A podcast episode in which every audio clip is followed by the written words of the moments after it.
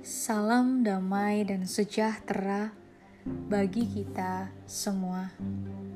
Saudara yang terkasih, hari ini kita akan bersama-sama merenungkan firman Tuhan yang diambil dari Matius 18 ayat 12 sampai 14. Bagaimana pendapatmu? Jika seorang mempunyai seratus ekor domba, dan seekor di antaranya sesat. Tidakkah ia akan meninggalkan yang 99 ekor di pegunungan dan pergi mencari yang sesat itu? Dan aku berkata kepadamu, sesungguhnya jika ia berhasil menemukannya, lebih besar kegembiraannya atas yang seekor itu daripada atas yang ke-99 ekor yang tidak sesat. Demikian juga Bapamu yang di surga, tidak menghendaki supaya seorang pun dari anak-anak ini hilang. Mencari yang hilang. Ada dua hal yang bisa membuat hati seorang terluka, yaitu ketika ditolak dan kehilangan. Luka itu menjadi semakin dalam apabila yang menolaknya adalah orang terdekat. Luka itu juga semakin perih ketika seseorang kehilangan orang yang sangat ia cintai.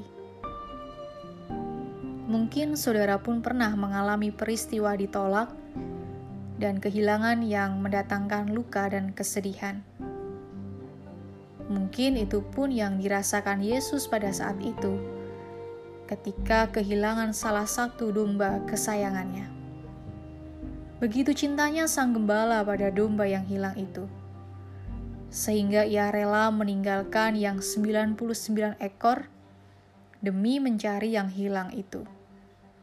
Hatinya ada pada domba yang hilang itu. Tentunya hati Tuhan juga ada pada setiap domba-dombanya.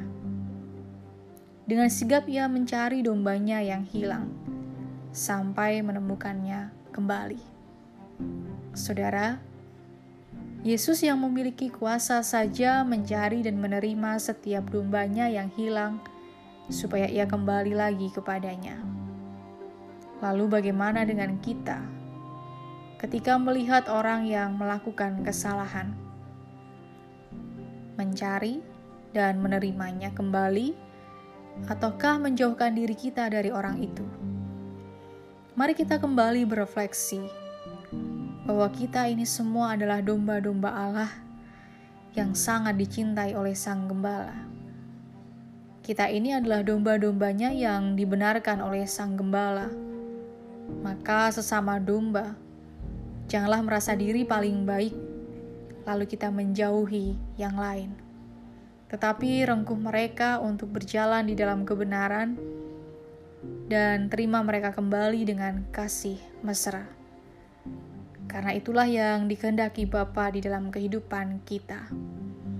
Maka saling mengasihi dan menerima kelemahan satu dengan yang lain.